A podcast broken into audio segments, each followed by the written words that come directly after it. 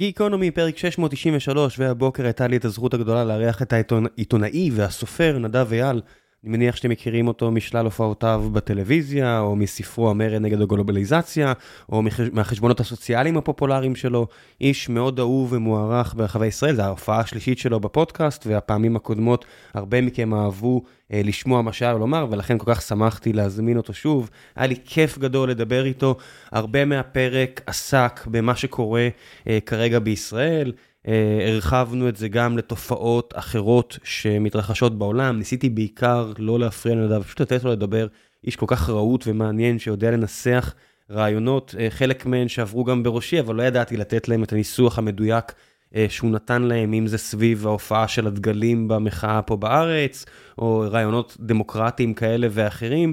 מקווה שלכם יהיה מעניין כמו שלי היה מעניין לשבת, להקשיב ולשוחח עמו. ולפני שנגיע לפרק עצמו, אני רוצה לספר לכם על נותני החסות שלנו, והפעם זו חברת R&D משכנתאות, שמשתפת איתי פעולה בהצעת ערך ייחודית לכם המאזינים. אם תחפשו R&D משכנתאות וגיקונומי, תמצאו את זה בגוגל, אני אשאיר לכם גם את הדף אם תרצו. במידה ותיכנסו לדף הזה ותיצרו איתם קשר דרך הדף הזה, תקבלו שיחת ייעוץ חינם. ולמה אני רוצה להמליץ לכם על שיחת הייעוץ הזו, במידה ואתם עכשיו אכן מחפשים אה, לקחת משכנתה או למחזר משכנתה, עם הריביות הגבוהות שיש כרגע, אני מפציר בכם ללכת לאנשים שיודעים על מה הם מדברים. כיוון שהייתי חלק מתהליך כזה אה, בתקופה האחרונה, בשנה, שנתיים, שלוש האחרונות, אה, יצא לי לדבר עם לא מעט יועצי משכנתה, ומעטים מהם הרשימו אותי.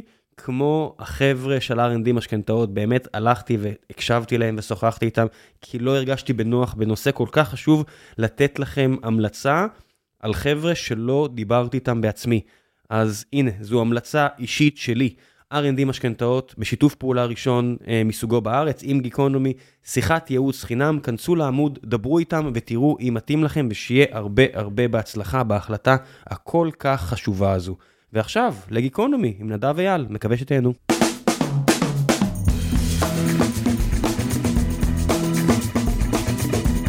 גיקונומי פרק 693, והבוקר יש לי את הזכות הגדולה לארח, בפעם השלישית או השנייה? השנייה. השנייה? הייתי בטוח שאתה בפעם שלישית. אה, אתה יודע מה? פעם שלישית. אתה רואה? השנים עוברות ואנחנו כבר לא כל כך שוכחים. Mm. מר נדב אייל, מה העניינים? בסדר. איך התקופה הזו מוצאת אותך? מדהים, כמו כולם. נהנה מכל רגע. לא, נו, ברצינות, כמי ש... אתה יודע, אתה בכל זאת אחד מהאנשים היותר משכילים שיצא לי לפגוש גלובלית וגיאופוליטית וכל הדברים האלה, הראש שלך רץ להשוואות? אפשר להפסיק את השיחה, אפשר, אני יכול ללכת הביתה אחרי שאמרת את זה. די, נו. אה, אז כן, אז כמישהו שקורא. אז את, הראש שלך רץ להשוואות? אתה יודע, אני לא מדבר אפילו על ההשוואות הרגילות של mm. הונגריה ופולין וכל מיני דברים האלה, אלא סתם על הדברים הקטנים שקורים. כן, האמת היא שאני בעיקר מאלף את המוח שלי לא להשוות, זה... מאוד מסוכן להשוות אה, בין מצבים שונים אה, בהיסטוריות ובסוציולוגיות. אחד הדברים שאתה ממש צריך לזכור כל הזמן זה ששום דבר הוא, הוא לא דומה לשום דבר אחר, והדפוסים שנמצאים אצלך, שאתה מנסה לשחזר אותם במבט אל המציאות, הם, הם פשוט לא מה שהולך לקרות.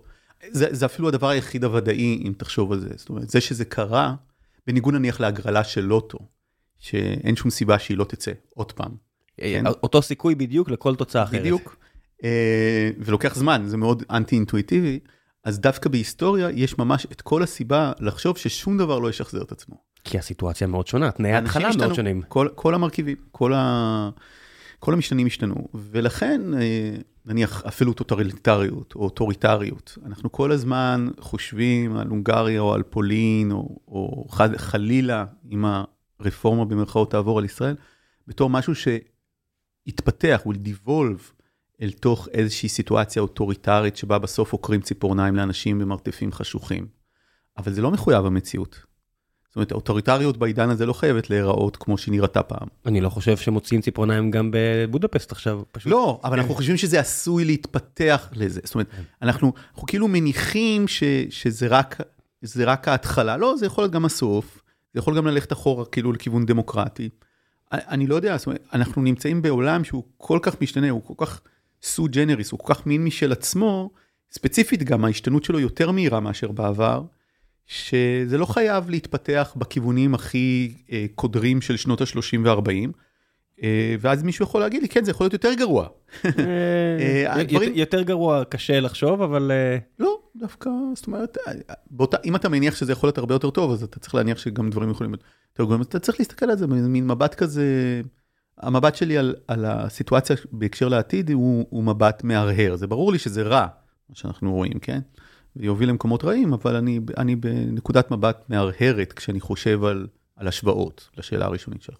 כן, אתה יודע, אני תמיד מנסה להסתכל אחורה, וכשאני מסתכל, אני כל כך אוהב לקרוא על ההיסטוריה של המדינה פה ועל הארץ הזו, ו- וזה די פונקציה עולה, היא לא מונוטונית עולה, יש תקופות של ירידה, אבל מ- כמעט כל פרמטר אפשרי, כלכלה, חברה, זכויות אדם, זאת אומרת, בכל פרמטר אפשרי, זה עולה, זה יותר טוב מעשורים אחורה, כמעט אם אובייקטיבית, כן? כמובן שתחושת נוסטלגיה זה משהו שקשה מאוד להילחם בו, אבל אם אני מנסה להסתכל אובייקטיבית, יש עלייה, ופה, לפחות עבורי, הפחד, זה שלא תהיה עלייה.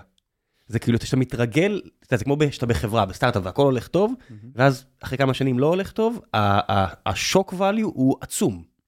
א', אני חושב שאנחנו חווים עכשיו את השוק value, כי לא משנה איך התוכנית של לוין ביבי תסתיים, הוקטור של החברה הישראלית נחשף בצורה מאוד עוצמתית לחלקים מאוד חזקים בחברה. והם יתחילו לקבל, או התחילו לקבל כבר החלטות אה, לגבי העתיד שלהם.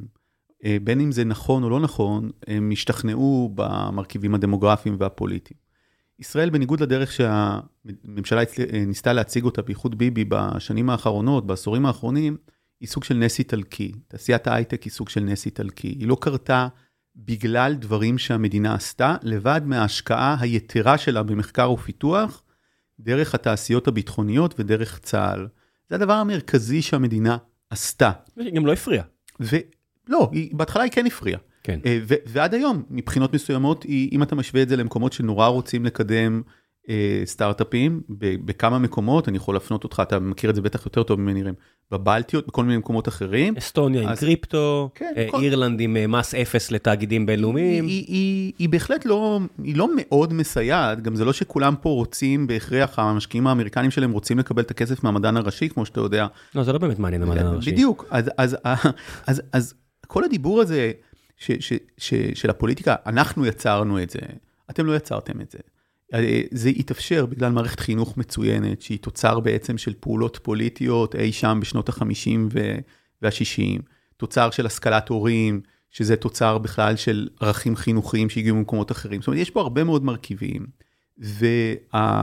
וההשקעה האמיתית של המדינה הייתה באמת במחקר ופיתוח דרך תקציב הביטחון, שזה הדבר היחיד שפה פתוח לכל, זאת אומרת, אם יש לך חברים נגיד במוסד, או, או אני לא זוכר אם שירת ב-8200, לא, לא, או... לא. אבל, אבל חפ"ש. אחד, אחד הדברים שאתה חווה מהם זה התחושה של הכל פתוח.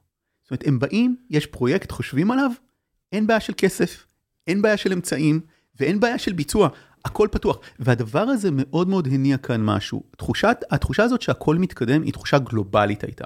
היא התחושה של הקדמה, עליה דיברתי בספר שלי. אבל העשורים האחרונים לא נראים ככה, בכמה אה, פקטורים, גם גלובלית. אם אתה מסתכל על גלובליזציה ומדדים של גלובליזציה, הם נמצאים בנסיגה כבר כמעט עשור. אם אתה מסתכל על מדדים של פיתוח אנושי, אה, אפילו של מאבק ברעב בשנים האחרונות, יש לנו, מתחילות להיות לנו בעיות כנראה בגלל האקלים. והמלחמה באוקראינה. המלחמה באוקראינה מתקשר לנושא הדמוקרטיה. לא, הדמוקרטיה. אני מדבר על האוכל, פשוט כן.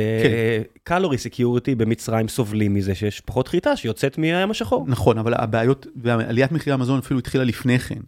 אה, ו, וכמובן הדמוקרטיה נמצאת בנסיגה כבר למעלה מעשר שנים לפי המדדים של Freedom House ו, ומדדים אחרים. אז הייתה תחושה, אה, הייתי אומר, בתחילת העשור השני של שנות האלפיים, ש- שאנחנו באמת באיזשהו סוג של שיא. ואז קרו כל מיני דברים, ברקזיט, דונלד טראמפ וזה, ובאמת דברים ש... שאני מאוד מאוד עוסק בהם, ואותו דבר עם החברה הישראלית. ח... חלק מהעניין הוא שהתחושה הזאת של ההתקדמות, עכשיו אני אתן לך נניח שתי נקודות שסותרות את הסנטימנט שהבעת בהתחלה, שכל הזמן התקדמנו, מה לגבי אה, social cohesion, זאת אומרת, בתוך החברה הישראלית. תחושה של, uh, של אחדות מטרה. תחושה של... הידרדרות קשה. נכון, והיא נמשכת כבר למעלה מ-25 שנה. מה לגבי אמון במוסדות ציבוריים ובפוליטיקה? הידרדרות של כ-30 שנה או יותר. מה לגבי אלימות בחברה הישראלית? זה אני לא יודע, זה, אתה יודע, אני מרגיש שהכל נורא אלים. בוא נגיד, אני, אני בטח במקום עכשיו שאני לא אגיב לאנשים. זאת אומרת, אם פעם הייתי מגיב בחופשיות לסיטואציה ברחוב שהייתי רואה, זאת אומרת, מישהו עושה משהו, כן. אוקיי? שני אנשים רבים, אולי הייתי מתערב. כן. אני עכשיו, בטח אם אני ליד אה, ילדים, אישה, לא יודע מה, Mm-hmm. אני לא אתערב. זאת אומרת, אני בדעה שזה יכול אה, להוביל לסכין בלב. אז, אז, אז מה, א', אני, אני במקום, נראה אני לי, במקום אני דומה, יודע. לפעמים אני לא, אני, כן. אני לא מתאפק, אבל, אבל בגדול, אה, יש יותר אלימות בחברה הישראלית. מערכת החינוך, לפי מדדים בינלאומיים, השוואתיים, מערכת החינוך שלנו עושה עבודה לא טובה. ולכן יש פה תהליכי הידרדרות, ואני חושב שהם תופסים אותנו. הם, הם פשוט רצו, היה פה מרוץ. זה אכילס והצב. אתה מכיר, את ה- אתה זוכר את הפרדוקס כן. הזה? זה בעצם הפרדוקס בין, אה, איך אני אגיד את זה בצורה פשוטה, בין פונקציה בדידה לפונקציה רציפה. זה, זה, אה, זה, זאת אומרת, בעצם הצו כאן, שזה היה כל השדים שלנו, הצו כאן השיג את, אה, את אכילס.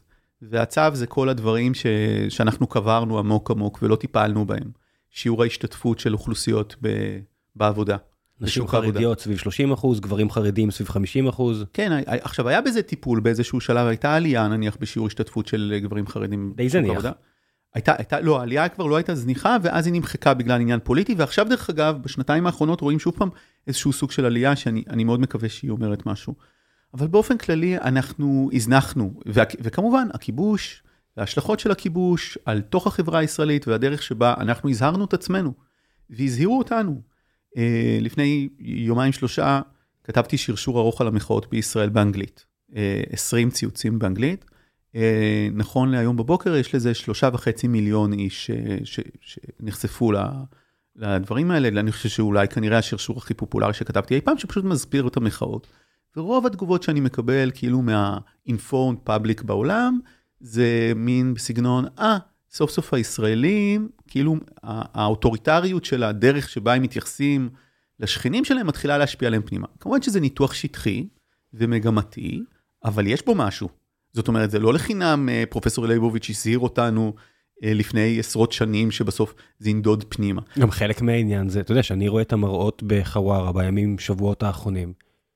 שני הכיוונים, זאת אומרת, לא התרגלתי לכך שישראלים אה, נורים בראשם רק בגלל שהם יהודים, ולא, ומן הסתם אני לא מסוגל להתרגל לטרוריסטים יהודים שעושים מה שבא להם לשם איזושהי תחושת נקמה טרוריסטית. אי אפשר להתרגל למראות האלה, וגם יש יותר מראות כי הכל מצולם. העניין הוא שיש פה צד אחד שהוא צד אה, טרוריסטי שלכאורה נאבק על אה, חירותו, אבל בעצם מגשים לעיתים קרובות אג'נדה פונדמנטליסטית, פנאטית, ויש פה צד אחר שיש לו מדינה, שיש לו מדינה, שהוא כן. כבר הקים, הוא מחזיק כבר בכוח, יש לו את כל הכוח, יש לו את צה"ל, יש לו את המשטרה, הוא גם בתפיסה דתית, אה, של ציונות דתית, המדינה היא ראשית צמיחת גאולתנו, הממלכתיות היא חלק מזה. ו- ולכן המראות האלה בחווארה, עבורי, אמ, יחד עם התהליכים האלה של התוכנית המשפטית הנוכחית, אה, אנחנו ממש במין רגעים כאלה של הדמוקרטיה הישראלית, ויחד עם עוד תופעות, נניח מה שקורה בתקשורת הישראלית עכשיו, עם ערוץ 14, ש... זה הפתיע אותך? אתה יודע, אני מודה, ש... וגם אמרתי זה, אני חושב, בפרק עם... אה, אולי אבל נגיד מה זה. מה הפתיע אותנו, כאילו, ש... העובדה שיש לזה רייטינג לא אפסי בעליל. זאת אומרת, רייטינג יותר גבוה. מלא להפסיק. הוא, הוא, הוא עובר בחלק מה, מהימים, הוא התחיל לעבור את 13 ואת 11. שישה וחצי, שבעה אחוזים, זאת אומרת, כן. מה שנותן את הטון, כשזה התחיל, אה, ידידי גיא רולניק אמר לי, תראה, זה כמו פוקס. זה, זה, המשמעות של זה היא עמוקה, אמרתי לו, גיא, על מה אתה מדבר, זה לא, זה, אתה יודע, סלחו לי, אנשים בערוץ 14, אמרתי, חבורת הזויים שמדבררת את עצמה לדעת, את מי זה יעניין. היום, הוריי הפנסיונרים, אני מאמין שרואים את זה 4-5 שעות ביום, הם, הם מצביעי ימין? הם אה, מה שניתן לקטלג כביביסטים. זאת אומרת, הם מעריצים של האיש, אני, כן. אני לא יודע אם לקרוא לזה ימין, כי אם ביבי יגיד מחר אה, שצריך לעשות שלום ופתרון שתי מדינות, אז הם יגידו זה מעולה. אז אתה יודע, יום אחד אה, נסעתי באוטו, ותפס אותי נהג מונית, אמר לי, והתחיל לנאום לי, אני חושב שזה היה בדרך חזרה מנתב"ג, על זה שבן גוריון היום היה ימני, והוא ראה קטע של בן גוריון, שהוא אומר שאין עם פלסטיני. ואמרתי לו, איפה ראית את הקטע הזה? אה, כי אני מכיר את כל הריאיון הזה של בן גוריון, שאגב, אפשר למצוא אותו ביוטיוב. זה הריאיון אחד האחרונים שהוא נתן, נתן אותו ב-73 לדעתי לפני המלחמה. הוא מת ממש באוגוסט 73, לעניות כן. דעתי, או יולי. אז הוא נתן ראיון למוקד. ואז uh, הוא אמר לי, ראיתי את זה בערוץ 14. ואז הלכתי לראות כמובן שוב פעם את כל הקטע, למרות שזכרתי את הרעיון. זה אותו רעיון שבו הוא אומר שהוא רוצה לוותר על השטחים, הוא חושב שצריך לוותר על השטחים למען השלום. אבל לקחו רק את הקטע הקטן הזה, אני לא יודע אם זה היה ערוץ 14 או ערוץ 20, אני לא רוצה להכפיש, סתם, אבל לקחו את הקטע הזה ו- ושמו אותו. ובאותו רגע שהוא אמר לי את זה, הבנתי, זה היה כבר לפני שנה או משהו כזה, הבנתי שמשהו השתנה. הדבר הזה של אינדוקטרינציה פוליטית, זאת מלכודת, מלכוד, פוקס זה מלכודת. למה? כי אתה, אם אתה משכנע את הקהל שהוא הימין, שהדרך היחידה להיות נאמן לימין זה לצפות בך, וגם אתה מאשרר מחדש את מה שהוא חושב ממילא ונותן לו תחושה טובה, ואז הם צופים בך, אז כל שאר הקהל מתחלק, השאר המסחרי שלו מתחלק על כל שאר תחנות הטלוויזיה, שעדיין מנסות לשחק את המשחק של עיתונות, את המשחק של חוסר פניות או של הוגנות, בזמן שצד אחד אומר, אנחנו לגמרי מסורים לרעיון. ואז החלוקה הזאת של השאר בין הערוצים האחרים, היא מאוד מחלישה אותם. כי למה פוקס ניוז מנצחת? כי היא לוקחת פשוט 50 אחוז ואף אחד לא, ניוזמקס ניסו להחליף אותה וזה, אבל אף אחד לא הצליח להחליף אותה. ואז מה שקורה הוא, וזה מה שקורה בארצות הברית, נניח החברים האמריקנים שלי שאני מדבר איתם, אומרים אצלכם לפחות עדיין כולם יושבים באותו אולפן. אצלנו הם לא יושבים באותו אולפן. זאת אומרת, אתה פותח MSNBC, הם כולם מדברים עם עצמם. אתה פותח פוקס ניוז, הם כולם מדברים עם עצמם. הם בכלל, הם קווים שלא נפגשים בכלל יותר. תראה את זה גם בפוליטיקה. אני חושב שעכשיו, בבחירות האחרונות, זו הייתה הפעם הראשונה שכל אחת מהמפלגות, ותמיד היו פה הרבה מפלגות, אבל ידענו כל אחת מהמפלגות לאיזו קואליציה היא שייכת. רק לפני כן היה את כולנו שאמרה, אני אלך עם מה שיתאים, כן. והיו אחרות שאני אלך בהתאם למה שיתאים, זאת אומרת, כן. בנט עשה את זה והאשימו אותו. בבגידה כן. בבייס שלו, אבל הוא דה פקטו עשה את זה. בבחירות האלו, לעניות דעתי, הפעם הראשונה, שאין אפילו סיכוי למעבר.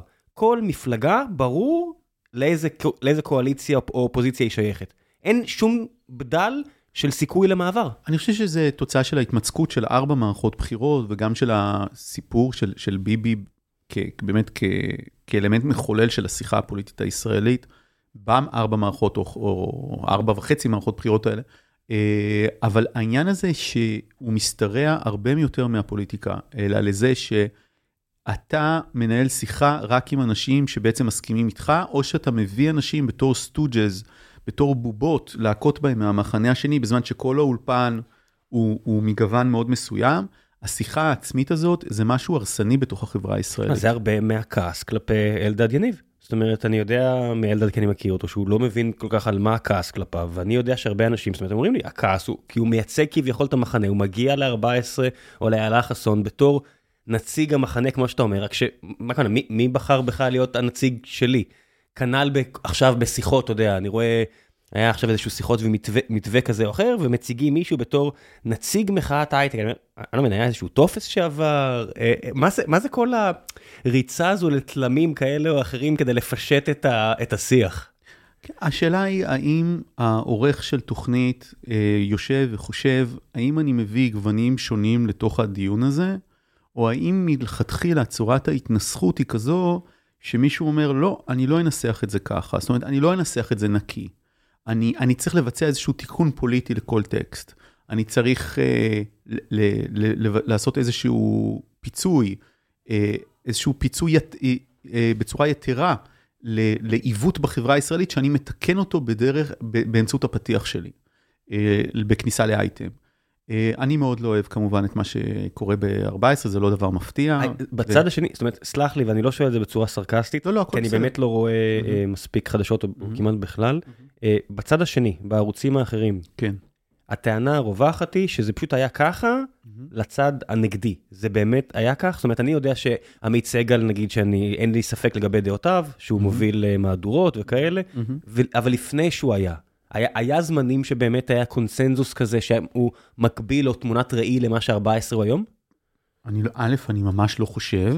אה, זה עניין גם של אה, איזשהו בסיס מסוים של הוגנות. כמובן שאנשי 14 יגידו לך שתמיד זה היה ככה ושגם היום זה ככה. עם עמית ו... סגל ועם הכל? לא משנה, אתה יודע מה, אני לא, רוצה, אני לא רוצה לנחש מה הם יגידו. אבל, אבל, אבל זה מין טקסטים כאלה. הרי אני מזכיר שיצאה הוראה בליכוד. ש... אסור להתראיין. אה. למקומות אחרים, אלא... הדברים פורסמו. זאת אומרת, יש פה ניסיון... שרת התעמולה אומרת מדי השכם והערב, אומרת לכו לערוץ 14, מעולה. יש פה ניסיון של המשטר, יש פה ניסיון של המשטר, ואני לא משתמש סתם במילה משטר בהקשר הזה.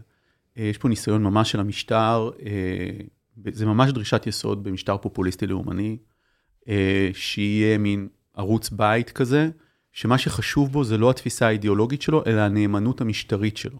זה משהו שמאוד חשוב להגיד, זה לא קשור לימניות, זה קשור לנאמנות. והנאמנות בתוך מארג משטרי כזה היא דבר אה, יחסית מורכב, אבל יש בה אלמנט פרסונלי מאוד מאוד גדול, ודווקא אנטי אידיאולוגי. כי האידיאולוגיה יכולה להוביל אותך, תסתכל נגיד היום בבוקר, אנחנו, כשאנחנו מדברים ומקליטים את זה, מיכאל שראל, הכלכלן הראשי של קהלת, פרסם את חוות הדעת הכלכלית, פוליטית שלו, אני לא יודע, או את הטקסט שלו לגבי התוכנית של לוין ביבי, והיא מאוד שלילית כמובן. למה? כי יש לו עמדה אמיתית, כי הוא איש מקצוע אמיתי. כן, ו... כי הוא לא באמת צריך לפחד מאף אחד במעמדו. לא רוצים, אל תפרסמו את זה, אבל זו דעתי. אתה, אתה כאילו, נתת עכשיו כאילו גוון של מה, מה הפוזיציה האישית, הפנימית שלו. לא, שיש לו את היכולת זאת אומרת, אני בסוף אולי אין לו את היכולת, אבל ראם, יכול להיות שהוא עושה את זה באומץ, אני לא רוצה כאילו... אה, לא, בסדר, אני לא, אתה צודק. כן. אבל אני בוודאות יודע שיש הרבה אחרים כן. שאין להם את הפריבילגיה. זאת אומרת שעבורם זה עניין של פרנסה.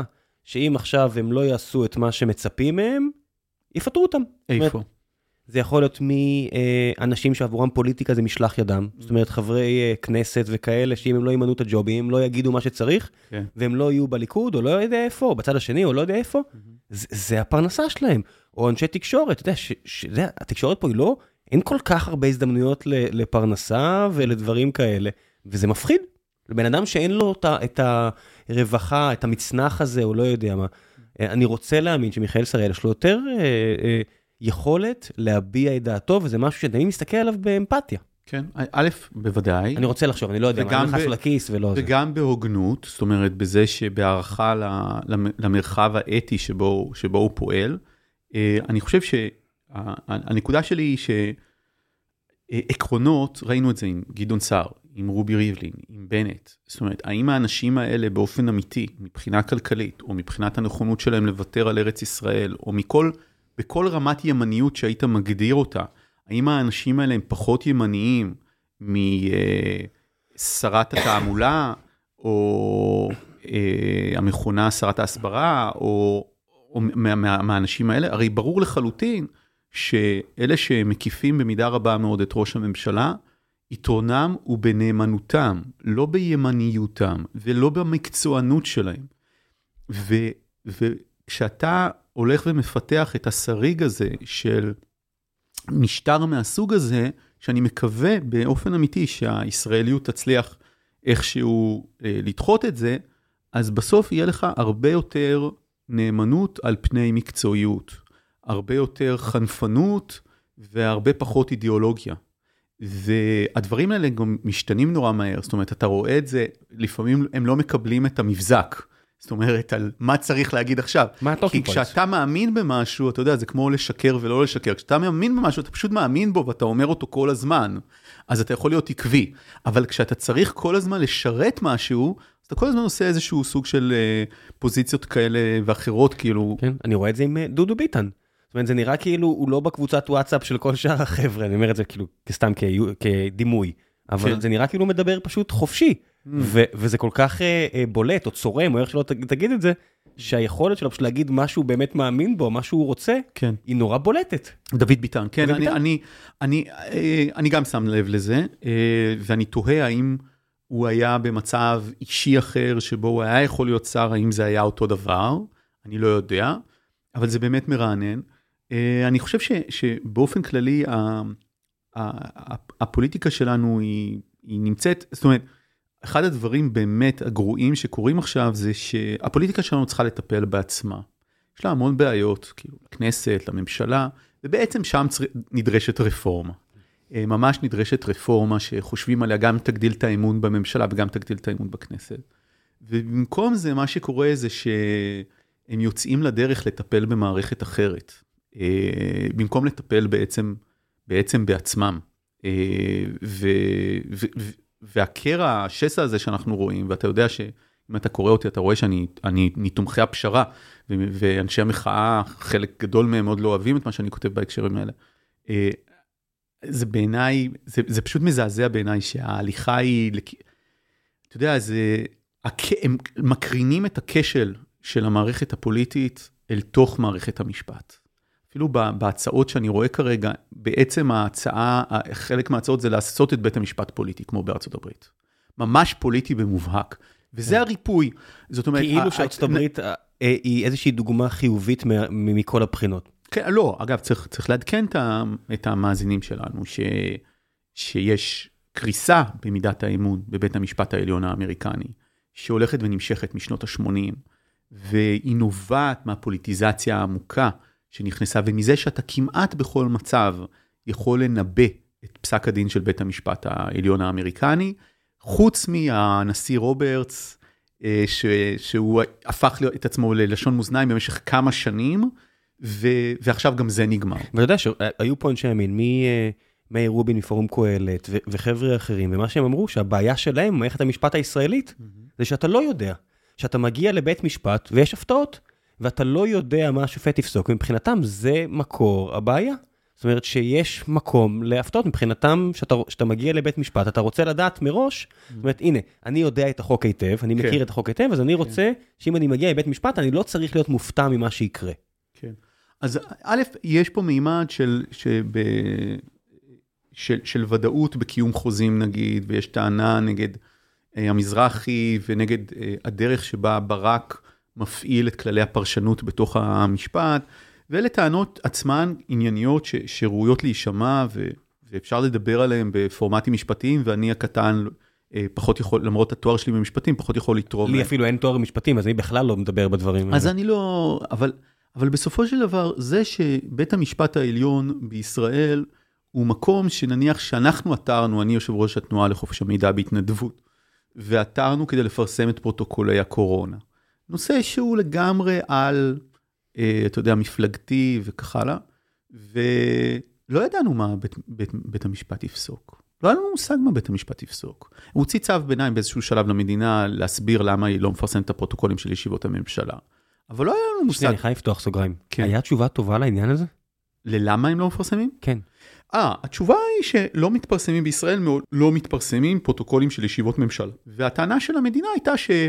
שהם בכלל לא אמורים להפעיל שיקול דעת, זאת אומרת, אין דבר כזה, לא מפרסמים פרוטוקולים של ישיבות ממשלה, הן סודיות, עד שמוסר מעליהן האיפול אחרי 30 שנה. אין, אין איפול ספציפי, בניגוד למה שמכחישי הקורונה והקונספירטורים אמרו, שהטילו איפול ספציפי על פרוטוקולי הקורונה, זה שקר, אין איפול ספציפי, אני אומר את זה כמי שהלך לבית משפט, זאת אומרת, התנועה לחופש המידע הלכה לבית משפט בניסיון לשחרר אותם, היי hey, חבר'ה, לפני שנחזור לפרק הזה עם נדב, אני רוצה לספר לכם על נותני החסות הנוספים שלנו, והפעם זו חברת כלי המיטה והמזרנים פנדה. פנדה זיזית תציע לכם מזרנים וכל מה שאתם צריכים לשינה טובה במחירים מנצחים. אין להם אולמות הצוגה, אז המחירים שלהם טובים יותר מאלה שכן צריכים לשלם על הנדלן, ואיך הם מגשרים על הפער הזה שאתם לא יושבים או שוכבים על המזרן עצמו, אתם פשוט יכולים להחזיר. המזרן יגיע אליכם נורא מהר, ואם לא נוח, תחזירו. גם עשרות ימים אחרי שאתם ישנים עליו ומגלים שזה לא מה שחשבתם, הם ייקחו את זה בחזרה. למה אני סומך עליהם ויודע שזה יהיה כנראה נוח? כי אני מדי פעם יושן על מזרן של פנדה, קניתי לילד שלי אה, מזרן אה, של פנדה לחדר, עוד לפני שהתחילה החסות הזו, אז אני יכול להבטיח לכם אובייקטיביות מהבחינה הזו, החלטתי ללכת איתם עוד לפני אה, ששיתפנו פה פעולה מסחרית, ומאוד התרשמתי לטובה, ואחלה מזרן באחלה מחיר, אחלה אחלה שירות, אז המלצה אישית ממני. אם תשתמשו בקוד הקופון גיק, G-E-E-K, גם תקבלו הנחה מאוד מגניבה של 15% על כל האתר. שתהיה שנת לילה טובה, ועכשיו בחזרה לגיקונומי עם נדב אייל. אין, אין איפול ספציפי על אז על מה הייתה העתירה שלכם? אומרת, העתירה שלנו. אמרה, יש, היה פה משבר אזרחי, לפי החוק, לפי הדין, כתוב שאתם יכולים לפרסם. אם אתם יכולים, תשתמשו בשיקול הדעת שלכם בצורה סבירה. כדי להחזיר את אמון הציבור. ב... ותסבירו לנו, תתחילו מלהסביר לנו למה שלא תפרסמו. במילים אחרות, בואו נהפוך את זה. המדינה אמרה, לא, לא, לא מפרסמים. אנחנו אמרנו, אתם יכולים לפרסם, לכן תעשו את התהליך ותשקלו, ואנחנו רוצים שתפרסמו. המדינה אמרה, לא, לא הגענו בכלל לשלב שבו המדינה אומר, אומרת, שקלתי וזה, ואז בסוף המדינה, והמדינה אמרה, חששה שאם יתפרסמו אה, פרוטוקולים של דיונים, אז זה יהיה אפקט מצנן על היכולת של אנשים לדבר בכנות בדיוני הממשלה, שזו טענה מגוחכת, משום שכל מה שקורה בישיבת הממשלה ממילא מודלף. ההפך, עדיף לפרסם את הפרוטוקולים, כדי שכבר יהיה ברור מה קורה שם. בכל מקרה, טענתנו לא התקבלה על ידי בית המשפט, למרות ש... אה, מאיר רובין כזה יגיד לך שתמיד בית המשפט, הוא תמיד מתערב, הוא תמיד כופה על הממשלה, ותמיד, אתה יודע מה, אני לא רוצה לעשות השטחה. דווקא בנושא הקורונה, כן, אני לא, אני לא רוצה לעשות השטחה. ממאיר רובין, שאני למדתי להעריך את יכולותיו באמת בתקופת הקורונה, ואני, ואני אה, יש לי שיח ושיג איתו, למרות שאני לא מסכים איתו בגרוש על מה שקורה עכשיו, אבל, אבל, אבל באופן כללי, התפיסה היא זאת שבית המשפט הוא תמיד בצד הפרוגרסיבי, והוא תמיד... בואו תשמעו אני גם הסברתי את זה, לא נכון. כן אבל אבל אבל ברור שזה לא נכון לא אם אתה צופה בערוץ 14 ראם. אם אני פלסטיני ברור לי שזה לא נכון. לא מה זה זה אם אתה פלסטיני מי מי שבאמת זה בעיניי כפיות טובה אם אתה כבר רוצה להתייחס לזה מבחינה אידיאולוגית ואתה רוצה להתייחס לבית המשפט לא כאל מקום שפוסק לפי חוק ולפי פרשנות במקצועיות בניסיון לפתור סכסוך וליישם את החוק, שאני חושב שרוב הזמן זה מה שהוא מנסה לעשות דרך אגב. כמו שאתה, כשאתה בא לעבודה, אתה מנסה לעשות את העבודה הכי טובה שאתה עושה, וכמו שמי שמאזין לנו, לא בכל רגע נתון חושב על הפתק שהוא שם בקלפי, ולפעמים הוא אפילו שוכח איזה פתק הוא שם בקלפי, במיוחד בשנים האחרונות, אז אותו דבר אני חושב על בית משפט, אבל בוא נגיד שזה המצב, שאתה לא מאמין בזה, אז בוא נסתכל על בית המשפט בצורה אידיאולוגית.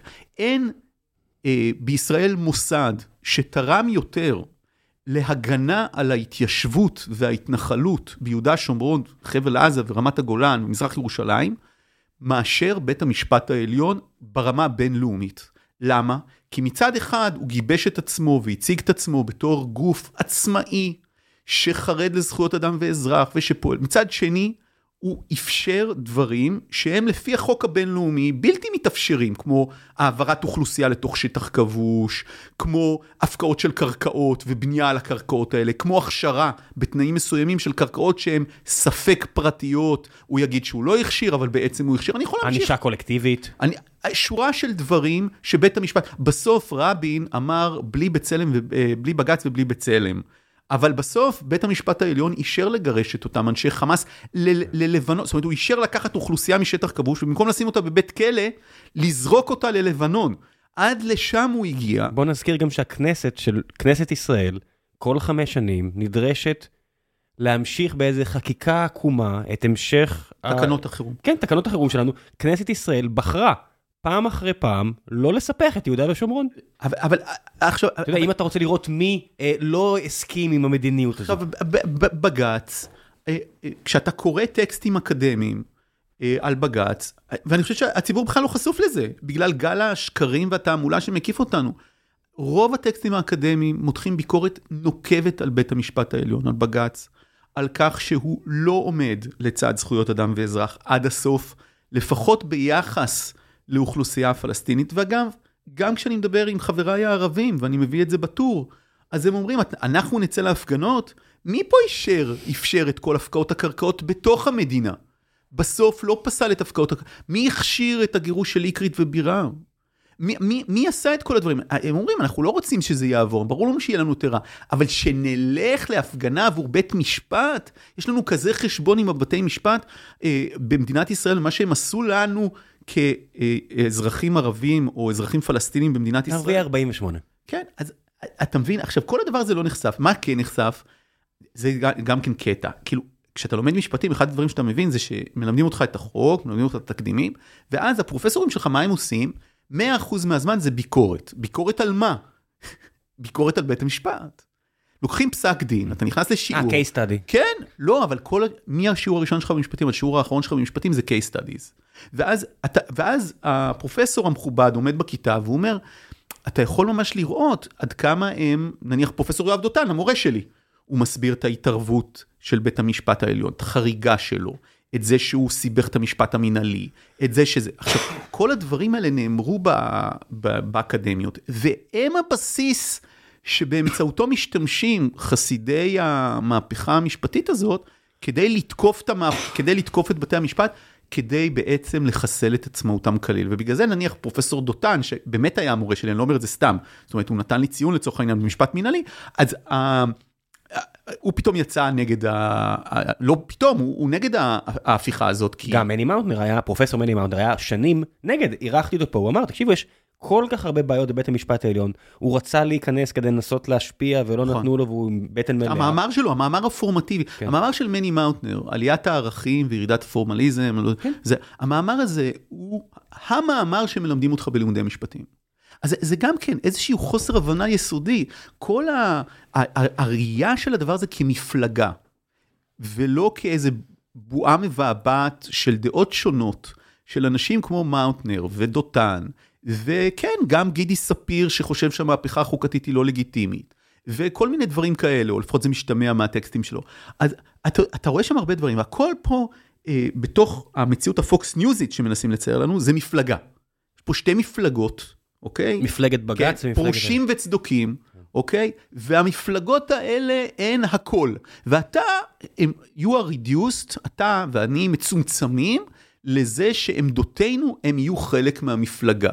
אתה אה, הייטקיסט, אנחנו יושבים במשרד בתל אביב, ולכן אתה בהכרח שמאלני, אנרכיסט, קיצוני, progressive, אה, חסיד של סוציאליזם וכך הלאה. אנטי ערכי משפחה. אני, כן. אני, אני כנראה אותו, אותו דבר, וזה, ו, ו, ומישהו שנמצא במקום אחר, זה מזכיר קצת את הנאום של אובמה, אה, יש את הנאום המפורסם. רק שברור לך שזה לא מחזיק מים, הרי ישראל הראשונה והשנייה, זה לא מחזיק אפילו פסקה, כי מהר מאוד אתה רואה שאי אפשר באמת בישראל למצוא זהויות נורא חלקות, כי בקרב הרבה מחברי הכנסת או הממשלה הימניים, הדעות הכלכליות הן מאוד סוציאליסטיות. בקרב הרבה מחברי השמאל הישראלי, הדעות הכלכליות הן מאוד ימניות.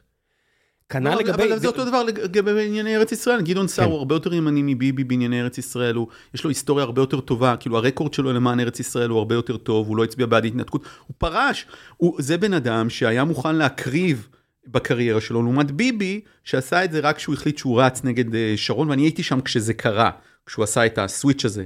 אה, נתניהו, הייתי כתב פוליטי, הייתי פרשן פוליטי, אני ראיתי את זה בעיניים. אני זומנתי ללשכתו, לדעתי זה היה בערב פסח עם כתבים פוליטיים, שהוא כאילו פתאום עשה flip, והיה פתאום נגד ההתנתקות, והוא אמר דרך אגב, שזה יוביל, זה היה בשיחה עם הכתבים, הוא אמר שזה יוביל למלחמת אזרחים. נתניהו. כן, נתניהו, זה היה שיחה עם כתבים, והוא אמר, אם אנחנו נמשיך עם זה, זה יוביל למלחמת אזרחים, ו... אז, אז, עכשיו, יודע, הוא, הוא בתקופה ההיא עשה משהו שהיום אומרים שאסור, זאת אומרת, בתקופה ההיא היה את אה, מחאת המילואימניקים, בשיאה 100 אלף אנשים, שאמרו, אה, לא, אני טועה מלחמת בשנים, לבנון. אמרתי, אחרי מלחמת אה, לבנון, אה.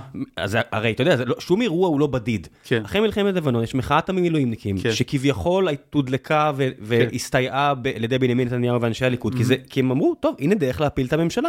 מחאת המילואימניקים, שלא יודע אם, לא קראה לסרבנות, אבל בהחלט לא עצרה, אמרה, אנחנו לא נעצור את ההפגנות האלה עד שיתחלף ראש הממשלה, שר הביטחון. זאת אומרת, רק כשאהוד אולמרט התפטר ב-2008, הפסיקה המחאה הזו. א', ויתרה מזאת, אה, לא היה שם שיחות של רק בקלפי משנים ממשלה. חלק, מהעיוות שבו אנחנו חיים נובע מזה שיש לנו את אותו שלטון וספציפית את אותו ראש ממשלה המון שנים. ולכן נניח העיתונות, אה, אנשים נניח שפוגשים אותי שהם אנשי ימין, אומרים מה אתם רוצים כל הזמן מביבי? למה כל הזמן ביבי? ואז אני אומר להם, תגידו, אתם זוכרים מה עשינו לכל הזמן אולמרט? כל הזמן אהוד ברק? שלא לדבר על שרון. זאת אומרת, אני זוכר, הזכרת פה את אלדד יניב, אני זוכר את אלדד יניב, מסביר לי בטלפון, אחרי דוח העמותות, אה, אה, אומר לי, תכתוב, אה, הנחת רווחה נשמעה בלשכת ראש הממשלה ברק מדוח העמותות, כמובן שלא נשמעה הנחת רווחה, ו... זאת אומרת, אנחנו, אה, אה, התפקיד שלנו, העבודה שלנו, היא להיות מאוד ביקורתיים כלפי ממשלה. וכשאתה צריך להיות, וכשהממשלה לא מתחלפת, אז נוצר דימוי מסוים שקל מאוד לתדלק אותו. אבל אה, אני כתבתי שאהוד אולמרט צריך להתפטר מתפקידו כראש ממשלה, לא לפני שהוגש נגדו כתב אישום, לפני שנפתחה נגדו חקירת משטרה. לא, רק על החשדות? דבר ראשון על המלחמה. אהוד אולמרט כמעט זרק אותי פיזית מבית ראש הממשלה, אני הלכתי שם עם רעיון עם בן כספית, אחרי מלחמת לבנון השנייה. והוא הוא פשוט התחיל לצרוח עליי, כי אני התחלתי לדבר איתו על, על, על המלחמה בצורה ביקורתית. תקיפה. הוא גם, אגב, אחרי זה אה, התקשר לעורך מעריב, אה, המנוח אמנון דנקנר, והוא ביקש שהוא לעולם לא ישלח אותי שוב. ודנקנר התקשר אליי בשמחה, כדי להגיד לי שהוא ביקש, הם היו חברים. הוא אמר לי, ברור שאתה תלך שוב, אני רוצה רק לאחל לך, טוב עשית, אני רוצה לחזק את ידיך, הוא היה ממש מאושר מה, כי, כי מה, כי ישראל לא הייתה מוכנה לאירוע? כי, כי הוא לא הפעיל את... לא משנה, כי, בגלל הכשלים של מלחמת לבנון השנייה, שאני חוויתי אותם מחבריי, שהיו כבר בשטח שם בתור מילואימניקים, כן. ואני שמעתי עליהם. ואני חשבתי שהוא צריך להתפטר ברגע שפורסמו, ברגע שפורסמו הפרשה, אה, פרשת טלנסקי רק יצאה לאור, וגם כתבתי מאמר שגם אם הוא מביא הסכם שלום, הוא צריך לא להיות ראש ממשלה. אז כל הדברים האלה לא נזכרים, זה, זה לא נזכר. פרסמתי תחקירים אה, על אולמרט. אה, הערב שבו אריאל שרון המנוח קיבל את השבץ שלו, אני לא זוכר אם הראשון או השני, הוא הערב שבו הוא היה מאוד מאוד מוטרד, כי ברוך קרא בערוץ 10 אה, המשיך בפרסומים ביחס לאי היווני. אה, עוד איזה ספיח של פרשת האי היווני. אה, אני לא, אני לא אומר את זה כי הוא קיבל את השבץ חלילה בגלל זה, אני אומר לא, את לא, זה כדי לציין. לא, לא, הוא קיבל כאן overweight של 100 קילו. אני אומר את זה בגלל ש... בגלל ש... כל הדינמיקה הזאת, שרק צד אחד סופג ביקורת, ורק זה, יש צד שנמצא בשלטון, הוא סופג הרבה ביקורת מהעיתונות, זה התפקיד שלה במנגנון דמוקרטי, ואז מציירים סביב זה איזושהי תיאוריה מופרכת, פשטנית, אה, זה שיש פה איזשהו ניסיון, אה, שהוא ניסיון פוליטי במובהק. עכשיו, אני לא מכחיש כמובן שלעיתונאים יש נטיות פוליטיות, ושעיתונאים בכל העולם הדמוקרטי יש להם נטייה ליברלית. להגיד שזה לא נכון, זה יהיה טירוף מבחינתי. ברור שיש להם, וברור שלכולם לא יש הטיה. לא לכולם, זאת אומרת שיש יותר עיתונאים הטיה ליברלית מאשר כאלה שלא. נכון, כן, וברור כן. שגם לנו יש הטיות. ברור שגם לי יש הטיות. זאת אומרת, כן. שאני צריך להתמודד איתם, וברור שאני גם טועה. אבל, אבל זה, זה קונספירציות בתוך קונספירציות, אתה יודע, בית המשפט מנסה לסייע באיזשהו קבל, כמו שאומרים באנגלית, אה, אה, אה, איזושהי מזימה. אילומינטי, אילומינטי. כן, לכיוון מסוים. והעיתונות, יש איזו מועצת עיתונות סודית שמדברת אחת עם השנייה ומתאמת מהלכים. ויש פה, זה, ו, וכל הדבר הזה בסוף מתגבש לאיזושהי תפיסה שבינה לבין איך שדברים מתנהלים במציאות, אין הרבה מאוד קשר. כן, מן הסתם ראיתי איזשהו אל תגיב כי זה, זה עמיתך למקצוע, אבל ראיתי איזושהי אה, ידיעה של, או קטע בטוויטר של איילה חסון, שאומרת, הנה תסתכלו, הנה החבר'ה שהיו עם אהוד ברק ב-99, והם אלה שמובילים את המחאה, ואני אומר, מה?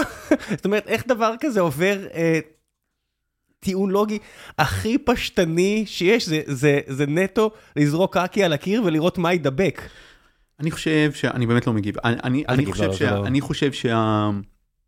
אני חושב שיש הרבה טעויות שעשה, שעשו הצדדים הליברליים בחברות דמוקרטיות במערב. ואני חושב, ובעצם כתבתי ספר שלם על זה ש, שיש לי אמפתיה כלפי המרד, שאנחנו רואים אותו בעצם גם היום בישראל, ויש לי. אני מבין אותו, אני מבין את הטעויות שנעשו. הטעויות שנעשו הן בראש ובראשונה זה שחברות השפע למיניהן, הפקירו את מי שנשאר מאחור, ואני לא מדבר מבחינה כלכלית, אלא מבחינה זהותית. זאת אומרת, ההצלחה שהייתה בניו יורק, בסן פרנסיסקו, בתל אביב, אה, לא חלחלה למקומות אחרים, לא מבחינת הכסף, אי אפשר לשחד אנשים, אלא מבחינת תחושת הזהות, תחושת ההצלחה, איך אני חלק מנרטיב ההצלחה. זה כמו, בדיוק עכשיו, אה, אני הולך לדבר בפני קבוצה של אמריקנים, והם רוצים לדבר קצת על start-up nation. ואני אומר להם, תגידו, אה, אה, אני קראתי את הספר כמובן כשהוא יצא, אגב, רציתי להוציא ספר כזה שנים לפני כן, היה לי סינופסיס, וכמובן שלא עשיתי את זה, ו, ואז הספר יצא, אז אמרתי, אוקיי, מישהו כתב אותו, ואז קראתי את הספר, ואמרתי, אה, מה חסר בספר? מה לא נמצא בספר? ההבחנה שאין nation יש city? מה? המזרחיות לא נמצאת בספר. מאיזו בחינה?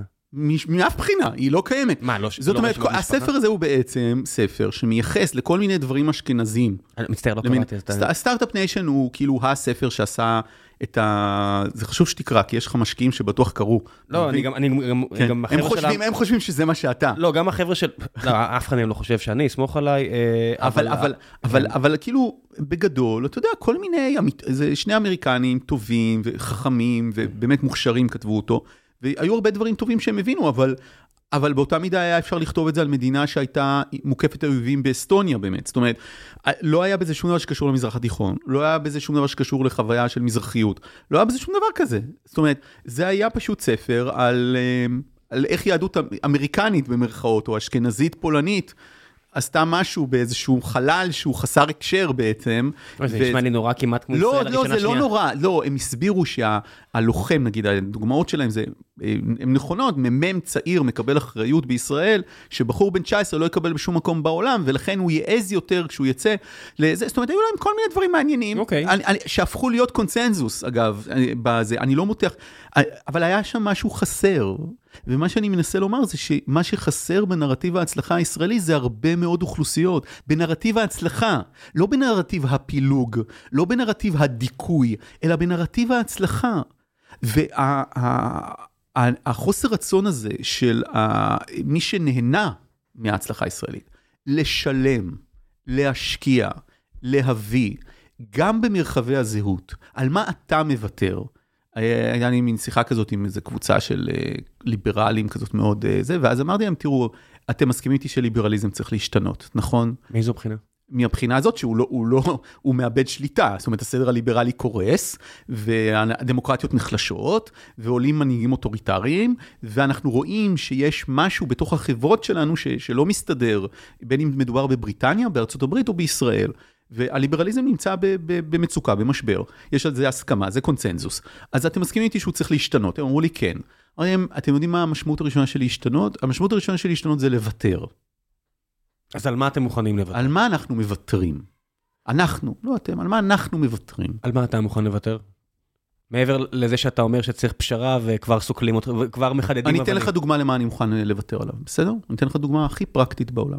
אני הסתכלתי על חוק דרעי 2, שהוא חוק שמאפשר בעצם לממשלה למנות אה, אדם, זאת אומרת, הוא, הוא בעצם תיקון שיוצר את העניין הזה, את הקונסטרוקציה הזאת ש, של אה, זה שהוא אה, בדיעבד, אסיר, מש... לא אסיר משוחרר, על תנאי, ש... שאין, שאין בעיה עם על תנאי, כאילו, כמינוי של שר בממשלה. וזה לא מזכיר כמובן, נסביר למאזינים את דרעי ספציפית, אבל זה מאוד פרסונלי, כי ברור שזה מתכוון לדרעי.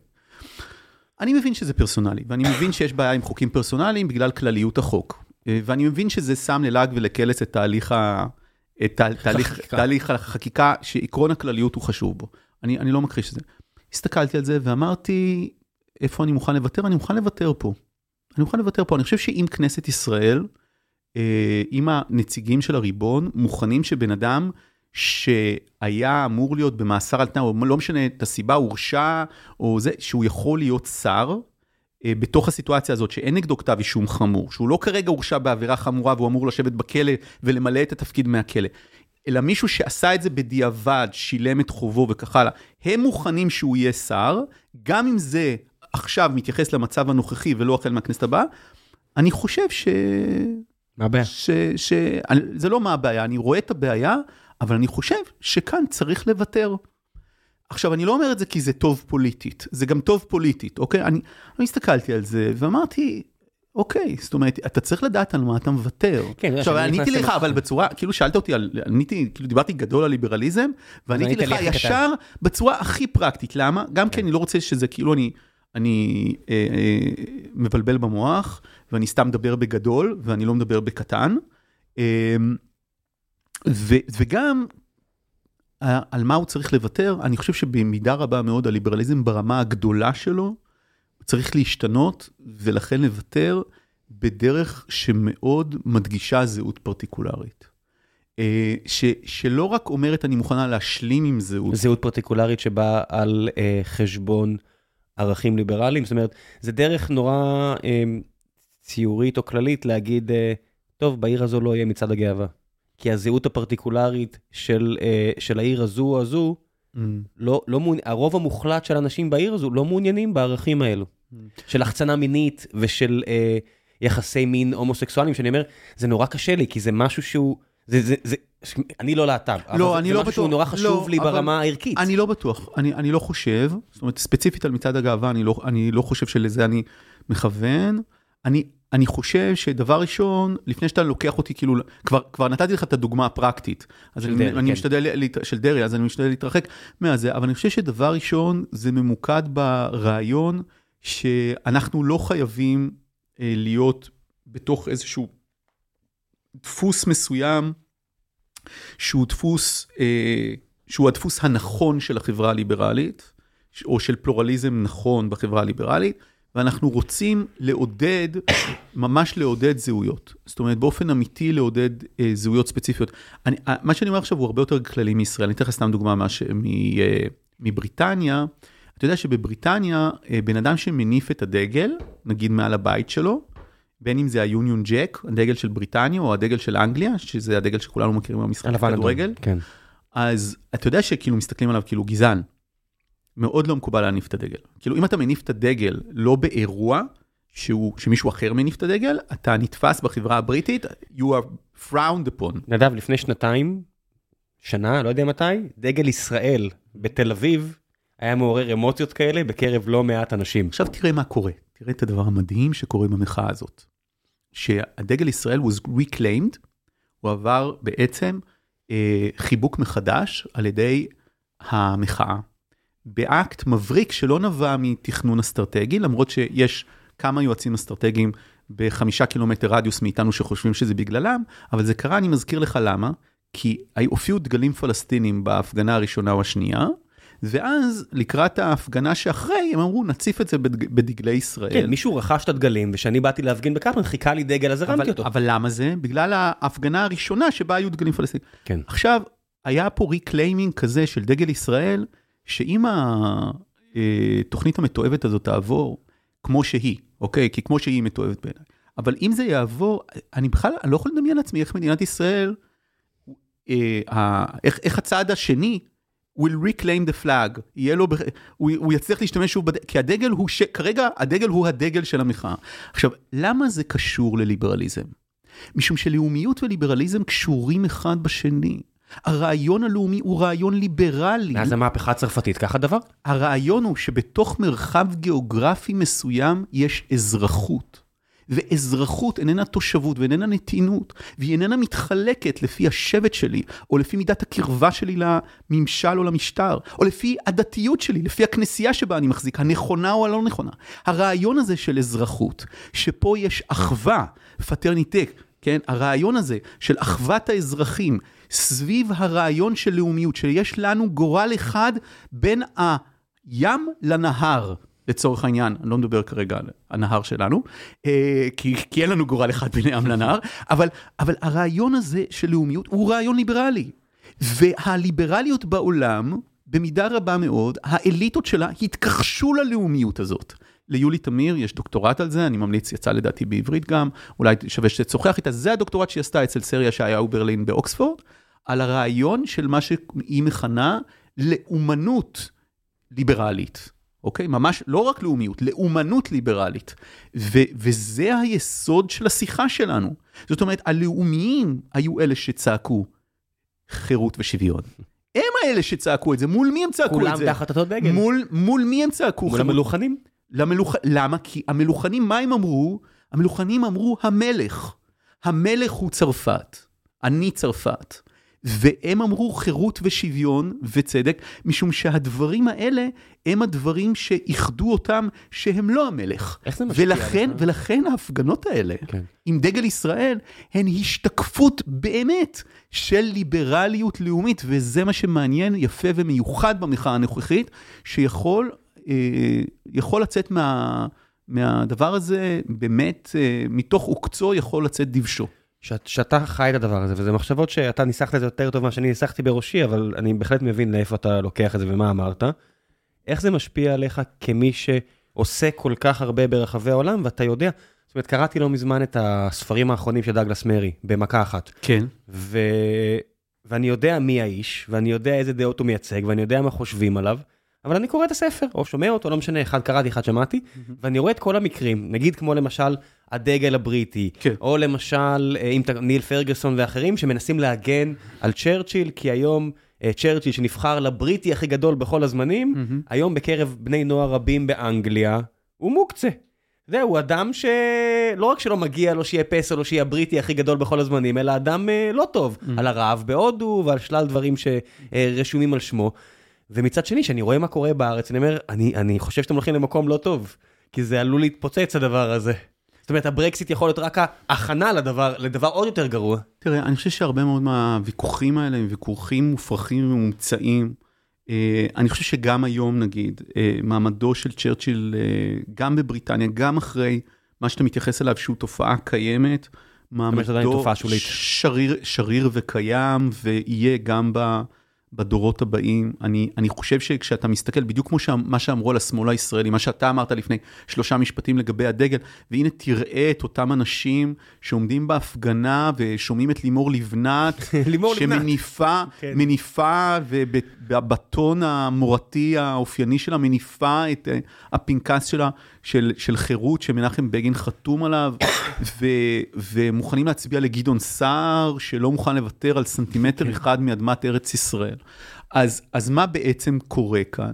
אנחנו נמצאים בעיצומו של קרב גדול על הקדמה, והספר שלי שיצא ב-2018 בעברית וממשיך לצאת בעולם, עכשיו, עכשיו הוא אמור לצאת בתמילית אגב, אה, אז מה הוא אמר? הוא אמר, יש התנגדות לגלובליזציה. ההתנגדות לגלובליזציה נובעת מזה שהיא איננה מערכת בת קיימא. וכשאני אומר גלובליזציה, אני מדבר על כל הסדר הליברלי. ההתנגדות הזאת לגלובליזציה, אם לא נטפל בה, אם לא נתקן את הגלובליזציה, את הסדר הליברלי, היא תהפוך להיות קרב נגד הקדמה. זאת אומרת, היא כבר לא תהיה נגד סחר, היא לא תהיה נגד יבוא ייצוא. היא תהיה נגד הרעיונות של קדמה, קרלסון טאקר בפוקס בשבועיים האחרונים דורש לעצור את ה-AI לכל נכון. זה כדי שלא יחליף את הנהגים כי נהגי משאיות זה, זה, זה המשרה זה, הכי פופולרית תעצרו את הכל את כל הטכנולוגיה תעצרו את אופן AI. זה מדהים מה שאתה אומר כי אני משתמש בקטע של אה, טאקר קרלסון בספר שלי שבו הוא אומר בריאיון לבן שפירו בדיוק את אותו דבר ספציפית על משאיות והוא אומר משום ש- driving for a living זה העבודה הפופולרית ביותר לאמריקנים ללא תואר קולג'. שלושה מיליון אמריקאים. בכל חמישים המדינות.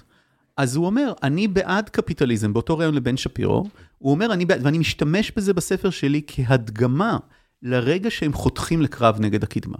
אבל קרב נגד הקדמה זה גם המצעד של שרלטנים, מתנגדי חיסונים, של לאומנים, של נאצים, של שקרנים מקצועיים, כל הדבר הזה עכשיו צועד ביחד, וכן, של קונספירציות אה, ימין קיצוני יותר ופחות. אגב, גם של אנרכיזם רדיקלי מסוים מהצד השמאלי, הוא פשוט פחות תופס תאוצה כרגע, אבל אני לא יודע... מאה שנה אחורה זרקו פצצות בוול סטריט, ומקינלי נרצח בידי אה, אנרכיסטים, לא אה, נכון. לאומנים. אה, והדברים האלה יחד יוצרים אה, מצג שבו בעצם...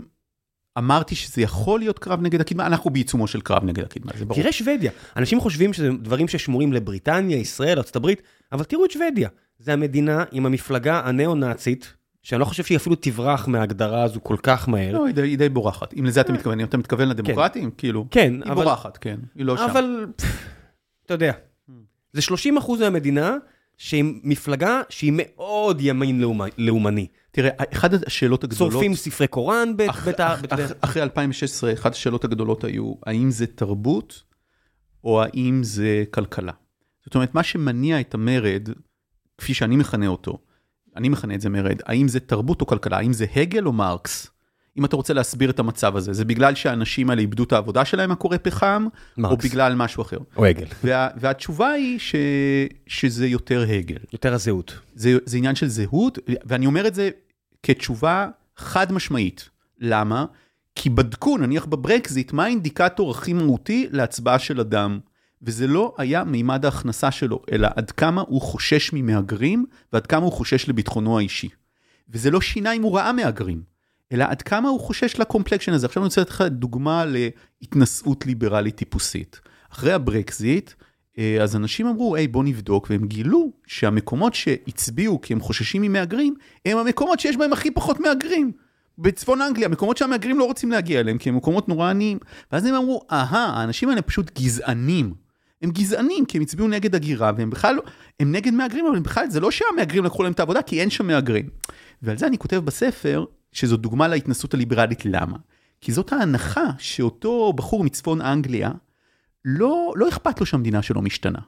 כל מה שאכפת לו זה אם לקחו לו את העבודה, אתה מבין? בטח, המכרה פחם נסגר. הוא לא מבין בכלל מה קורה מסביבו, זה לא שהוא רואה טלוויזיה, שומע רדיו, קורא עיתונים, והוא רואה שהמדינה משתנה. בין 1992, מסטריכט, לבין הברקזיט, גדל המספר של תושבים שלא נולדו בבריטניה, בתוך בריטניה, בלמעלה מ-100%. בלמעלה מ-100%. ממסטריכט. אז אנשים הרגישו שהחברה שלהם משתנה, והם לא אהבו את זה. זה שהם לא אהבו את זה, לא הופך אותם לגזענים. זה שאנשים רוצים לעצור הגירה לתוך מדינתם, לא הופך אותם לגזענים. הם יכולים להיות גזענים אם הם רוצים להתייחס בדרך אה, לא אנושית ולא הומנית ולא שוויונית למי שכבר נמצא בתוך המדינה. כן, אני מניח שרוב המאזינים שלנו, וזה פטי שקיים אצל הרבה אה, אנשים, שנגיד נפלח אותם המאזינים שלנו, יפן נתפסת כמקום מדהים. אין מדינות טהורות נכון. כיפן, כן. פורטוגל פעם הייתה כזו, ואז היא כן. פתחה את שעריה ל-100 אלף ישראלים, כן. אחוז מהאוכלוסייה שלהם. יפן היא אחת המדינות הכי טהורות כן. שיש להם בעיה עם זה, כי אין זה- ילדים, יש, יש, להם בעיה. יש להם בעיה קשה עם זה, ואני אני בספר כאילו ראיינתי את אה, אה, פרופסור צ'יזיקו, אה, אונאו צ'יזיקו, אה, אל תתפוס אותי במילה. אני בטח לא אדע להגיד את זה. פמיניסטית, היא, היא, היא הוצגה בפניי כפמיניסטית המובילה ביפן, כנראה שיש הגדרה ספציפית כזאת, אבל, אבל באמת, אישה מאוד מרשימה, ובאתי לדבר איתה בעצם על משבר הילודה, ואז היא אמרה לי, למה זה חשוב לך בכלל? כאילו, ככה התחילה השיחה. אז אמרתי לה, כי, כי זה מעניין, זה, זה, זה בכלל לא, זה לא מה שחשוב, ואז היא הסבירה לי, אמרה לי, תראה, אני חי פה במדינה שמצד אחד הם לא רוצים מהגרים, אוקיי? המהגרים, מה הם עושים? מעסיקים אותם בניקיון, מעסיקים אותם בטיפול בילדים. אז מי עושות את הטיפול בילדים ואת הניקיון? מי אתה חושב שעושות את זה במעמד ביניים נמוך וזה? הנשים עושות את זה, נכון? כי הן גם לא מרוויחות כסף, כי גם המדינה היא שוביניסטית. התחילה להסביר לי את כל המלכודת היפנית לנשים, שהיא מזעזעת. והיא קשורה, דרך אגב, לזה שכשאתה הולך בסנטרל פארק, אתה רואה את המטפלות, הן כולן מהגרות, כמעט תמיד כולן מהגרות מאיזשהו מקום. אם הם, זה משפחה נורא עשירה, שגרה באפר איסט סייד, זאת מהגרת מצרפת. בחורה צעירה שהגיעה מצרפת ולומדת בזה. ישראליות, צרפתיות, כן? כן, ואם זה משפחה. קצת יותר זה, זה היספניות. ואז, אז העניין הזה של הגירה הוא סופר משמעותי ביעילות הכלכלית וביכולת שלך בעצם, אה, בין היתר, אה, להוביל למצב שאנשים ממצים ונשים ממצות את, את הפוטנציאל שלהם. אז הדברים קשורים זה בזה. אבל, having said that, אם מדינות רוצות לעצור הגירה אליהן, או אוכלוסיות, כולל אוכלוסיות עניות, זה דבר לגיטימי. אני חושב שזה לא דבר טוב באופן אישי כליברל. אני חושב שאני גם יודע כלכלית, כאילו, כמה, כמה זה מוסיף הגירה למדינה, כמה זה הוסיף לנו פה בגבול- בישראל. בגבולות הטעם הטוב. אה, כן, בגבולות... תשמע, לפני שהיה פה את החומה, ש... או את הגדר שכל כך הרבה אפריקאים מצאו את מותם עליה, ואנחנו לא נתייחס לזה כי, כי אנחנו מעדיפים להסתכל לצד השני, אה, אבל כשזה היה פתוח, באותו מידה יכול להיות לך פה עכשיו חצי מיליון מהגרים, מהגרי עבודה או פליטים מסודאן. היה, היה, אבל העובדה היא שלא, וגם אין מה זה עבודה שלו? כי, כי ישראל שמה אה, גדר טל, עם טלטולים ואנשים מתו על הגדר הזו, כן. ובשלב מסוים הפסיקו להגיע. את- אתה יודע, הייתי רוצה לראות את הדאטה לגבי לאן הם כן הגיעו, זאת אומרת, היה תקופה, היו שנים שבהם היה גל הגירה, אני- מה שאני אומר זה שלא הכל קשור אלינו, אני לא... בוודאי, בוודאי, אני- בוודאי. זה- אלא היו תופעות פנים אפריקניות ותופעות אחרות ש... ואני בטוח ש- שהם היו מעדיפים להגיע לג'ורג'יה מלוני ולא לביבי בן נתניהו. אה, כן, גם. יודע, עובדתית. ו- ו- ובאופן עקרוני, אה, כ... כ- אתה יודע, הלכתי עם פליטים, דיברתי עם פליטים, וזה... אחד הדברים שצריך להבין לגבי אה, בכלל הגירה מהסוג הזה, הגירת מצוקה, זה שאנשים לא רוצים לעזוב. אני- זה הבית אבל שלהם. זה לא מובן מאליו. לך זה מובן מאליו, זה לא אתה מובן יודע למה מאליו. זה מובן מאליו? מישהו אמר לי, כמה כואב שהגענו למצב שכל כך הרבה אנשים בישראלים מדברים על הגירה. ואמרתי להם, אני רוצה לשתף אותך, את מי, שכת... מי שאמרה או כתבה את זה, מה שעבר עליי השבוע. ויש לי עניין כזה שאני עושה skip meeting, לא עם החבר'ה שאני מנהל, אלא חבר'ה שהמנהלים מנהלים. 30 חבר'ה נגיד בשבוע כן. נתון. ויש את הבחור בברמינגהם, שרוצה לעבור לפרנקפורט מאז הברקסיט. וחבר אחר מברמיגם שלו, גם עובד אצלנו, שרוצה לעבור לגרמניה, כי הוא לא יכול להרשות לעצמו לקנות יותר בברמיגם. הבחור מלונדון אונטריו, שמשתגע מכך שהוא לא יכול לקנות נדל"ן, עובר מזרחה, או אפילו יעזוב את קנדה חס וחלילה. הבחור מפרנקפורט רוצה לעזור לדנמרק, כי נמאס לו מה, מהחקיקה בגרמניה. וזה ראונד רובין של אנשים שעוברים אה, ממקום למקום. בחור מפורטוגל, אצלנו, שגר בלונדון, כי הוא לא רוצה לגור בליסבון, אבל הוא מתגעגע לליסבון, אבל אתה יודע, וכל הזמן אנשים עוברים ממקום למקום, יש לנו מחשבה שהכל סטטי, ורק הנה הישראלים שמדינתם כבר זה לא ארצם שלהם ורוצים לעזוב, וזה מיוחד לנו. כן. ואני אומר, אתם לא מבינים מה קורה בחוץ. כן, אבל אם כי זה אוכלוסיות ספציפיות בפוזיציות או בעבודות ספציפיות שנמצאות בתוך הרוטיישן הזה. אבל אנשים שמדברים איתי שאוי לא, אני אעזוב את ישראל, משתייכים לאותה קבוצה. זה אנשים שהסיבה שכלכלית הם יכולים בכלל לפנטז על ההגירה הזו, כי היא מחכה להם עבודה. נכון, אבל יש, אבל, אבל בתוך החברה הישראלית, תראה, זה חלק ממשהו, זה, זה משהו שנחת עליי בשיחת סלון כזאת באחת השבתות, שישבנו עם חברים, ואז אה, מישהי אמרה אה, שצ... שאסור לוותר, אסור להגיע לשום פשרה, ואסור זה, שזה מאוד, אתה מאוד שומע את זה בתוך מחאת ההייטק, כאילו, וזה, והיא במחאת ההייטק. ואז אה, אמרתי לה, תשמעי, זה, ואוקיי, ואם זה לא יקרה, אז, אז היא פחות או יותר אמרה, אני תוך 20 שניות יכולה להיות בעבודה במקום אחר. אה, אז אמרתי, אבל את צריכה להבין שאצל רוב האנשים זה לא ככה. ופתאום נפל לי האסימון, אמרתי לה, אז בעצם את יכולה להיות קיצ... מקסימליסטית בדרישות שלך, אני לא רוצה להגיד קיצונית, כי אני לא חושב שמשיכת הרפורמה זה כן. דבר קיצוני, אבל את יכולה להיות מקסימליסטית, כי את אומרת, אני רוצה את הכל כאן, ומקסימום אם לא, אז אני שם. אבל את צריכה להבין ש... לרוב המוחלט. לעם ישראל, וגם לרוב המוחים, אין את האופציה הזאת. literally אין ארץ אחרת, אין, לא כחלק אין, משיר יפה. נכון. אין לי אזרחות אחרת. אין לי איך להתפרנס כנראה בעיר גדולה. כן. בגילי, או אתה יודע, תכף, כן. בקלות. לא, אתה מדבר, אתה, אתה, אתה, literally אתה מדבר עליי. זאת אומרת, להבדיל. מהייטקיסט אה, ממוצע. גם להרבה הייטקיסטים, כן. זה הרבה פחות קל ממה שהם חושבים. בכל מקרה, אז, אז, אז, אז כאילו, אז בגלל זה, אז בגלל זה אתה חושב על פשרות, כי אתה לא, חוץ מזה גם הרבה מאוד אנשים שאני מכיר שנמצאים שם, רוצים לחזור, אתה מכיר את זה מאוד מאוד טוב. אה, טוב לחיות במדינתך, אני חושב שצריך, זה אחד, טוב לחיות בקרב בני עמך. אה, אתה יודע, כששאלו את ליבוביץ', הזכרתי את ליבוביץ' קודם בשיחה, על, על ציונות, ואחרי כל הביקורת שלנו למה הוא ציוני וזה, אני, אני זוכר את ה... יכול להיות שאני עושה פה איזה עוול נורא לציטוט, אבל אני זוכר שהוא אמר, הרעיון שלא להישלט בידי זרים. אתה לא רוצה להישלט בידי זרים, אתה רוצה לנהל את חייך בעצמך. אני זוכר שעוד כילד, כשקראתי את זה, אמרתי לעצמי, איפה ארץ ישראל אבל? איפה ארץ ישראל? והיה לי חסרה שם ארץ ישראל באמירה הזאת שלו, אבל לא להישלט בידי זרים. וכמי שחי בחו"ל אה, שלוש שנים, והחליט לחזור לארץ, אני החלטתי, כן. אשתי ואני החלטנו לחזור, אה, עוד לפני שהיינו נשואים.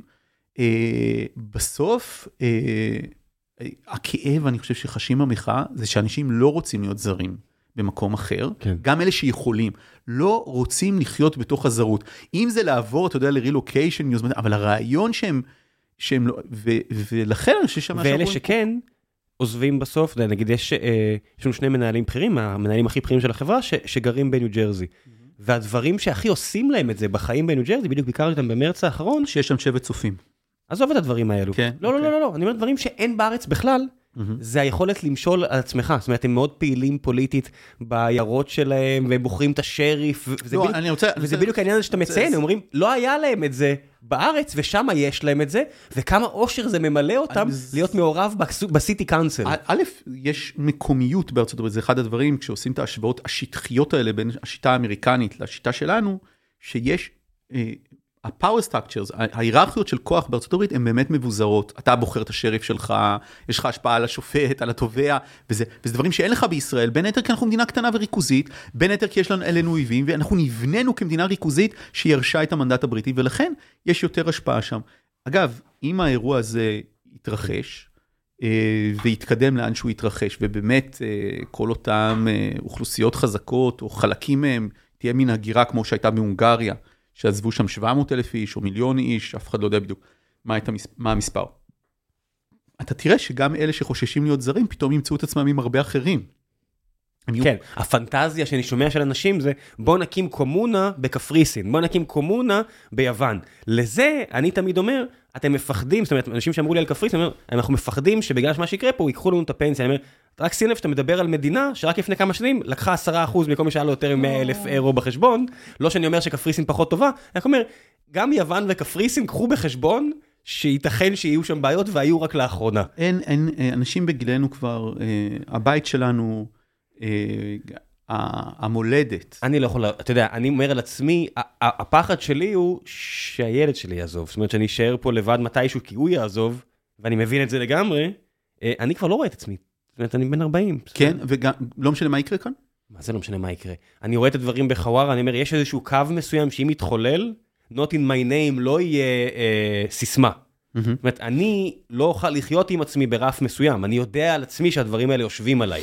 כרגע אני משקר על עצמי מספיק ויודע להסתכל לכיוון השני. או, אז אני חושב ש, שחלק מה, מהבעיה, הסטרט... כאילו, אם הייתי הממשלה עכשיו, הייתי, כמובן שהייתי עוצר את הדבר הזה ויושב לשיחה על הסכמה רחבה, ובסוף מעביר רפורמה בהסכמה רחבה. אני חושב שזה ממש נון בריינר. זה אחד הדברים המדהימים שקורים כאן, שזה פשוט, זה מצעד איוולת, כמו ברברה טוכמן, על, אתה יודע, ממש, זה כמו, כאילו כל מה שיש בספר של ברברה טוכמן, פשוט מתאפס ומחוויר, גם מבחינת התזמון הבינלאומי עכשיו, שכולם מחזירים ממילא עסקים הביתה, כולם מחזירים ממילא מחקר ופיתוח הביתה, לעשות את זה עכשיו וזה. אבל אני חושב שבאמת המחשבה העמוקה צריכה להיות, רגע, רגע, רגע, הענק נאור. והענק הזה זה הענק של האנשים שעשו אופט-אאוט לחיים הציבוריים הישראליים, ובעצם הצליחו מאוד בהרבה דברים אחרים, או השקיעו אפילו בצבא, לצורך העניין, או במחקר ופיתוח בדברים האלה. ועכשיו הם, הם מאוד מעורבים, וזה יכול לקחת את המדינה לשני כיוונים שונים. כיוון אחד הוא מאוד מאוד חיובי. באמת ייכנסו המון אנשים טובים לתוך הזירה הציבורית וישנו מבפנים ויקחו את המדינה ויישמו באמת נורמות שהן נורמות חיוביות שראינו ב, באזורים הכי יעילים ומפיקים של החברה הישראלית והכי יצירתיים. שלה. והצד השני יכול להיות ייאוש.